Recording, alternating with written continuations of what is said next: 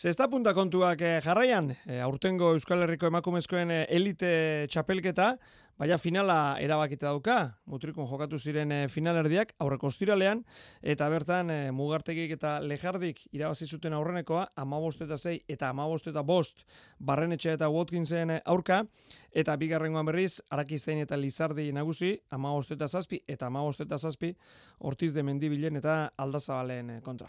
Arai, lejardi, Gabon! Gabon. Bueno, eta zorionak. Eskerrik asko. Bueno, konta iguzu, nola joan zen zuen finalerdi hori? Eh, bueno, beste, beste partideukin konparabio ni pentsu dut bastante partido txarra urte bala, eta bigarren semifinala asko e politxo izen zen. Zer, zergaitik, atera zen txarra, alai? Eh, ni pentsu dut, ez dait, ez ala urten eurek ezin nizebela emon euren maili gozan ebile ginen, baina eurek ni pentsu dut ezi ebile gustora. Alegia desorekatu izan zela. Bai, hori da. Mhm. Zuek, zuenarekin gustora? Bai, bai, gu onde ebile ginen, alkarraz gustora jokatzegu, eta e, mutrikun nire gustora teori frontoie. Eta beraz, eroso alde hortatik, ezta? Bai.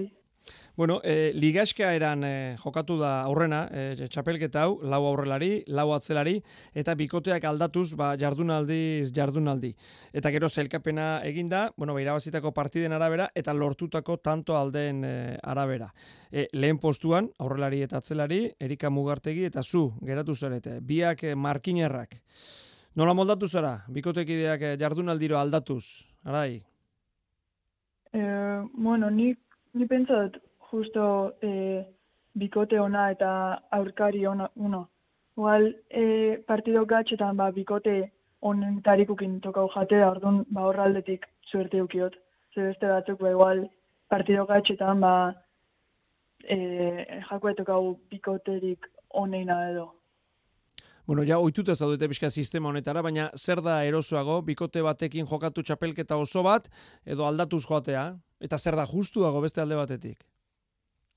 Ba, igual justu hau e, danok, danekin jokatzea, baina ez da, niri bisek uste da jarrez, bai, bai e, bikotik aldatzen edo beti bardinaz jolazti. Dena dauka bere alde ona eta bere alde txarra, ezta? Bai, hori da. Zu nola aurkitzen zara, e, urte sasoi honetan? E, ondo, pare bat txopelketa irabazigu, ise danak erikaz, da ba, oso gustora jokatuz beraz, ze asko zautega, da ise beti dani jolazti zegu bata, da ba, posik ondo. Hori da, e, herrikide izatea, elkarrekin asko jokatzeak horrek laguntzen du, ezta? Bai, asko. bueno, finala datorren ostiralean, e, aipatu dugu, Arakizain eta Lizardiren kontra. Nolako izan daiteke, eh?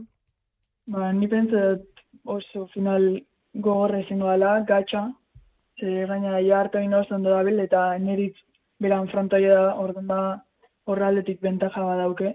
Baina, bueno, ni pentsa dut gupe ondo jolastuko gule, da, ia.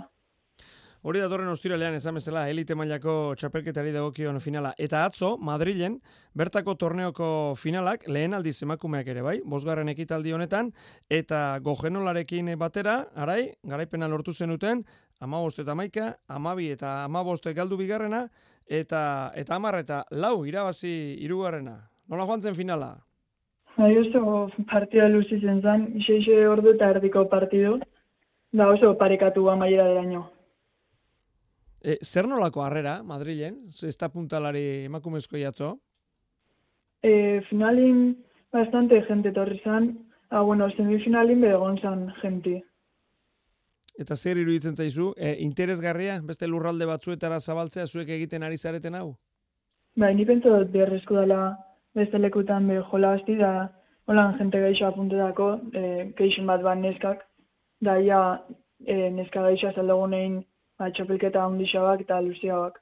E, sumatu zenuen, ez dakit, e, urbildu zen e, neskaren bat e, galdedrak egitera edo interesa erakustera?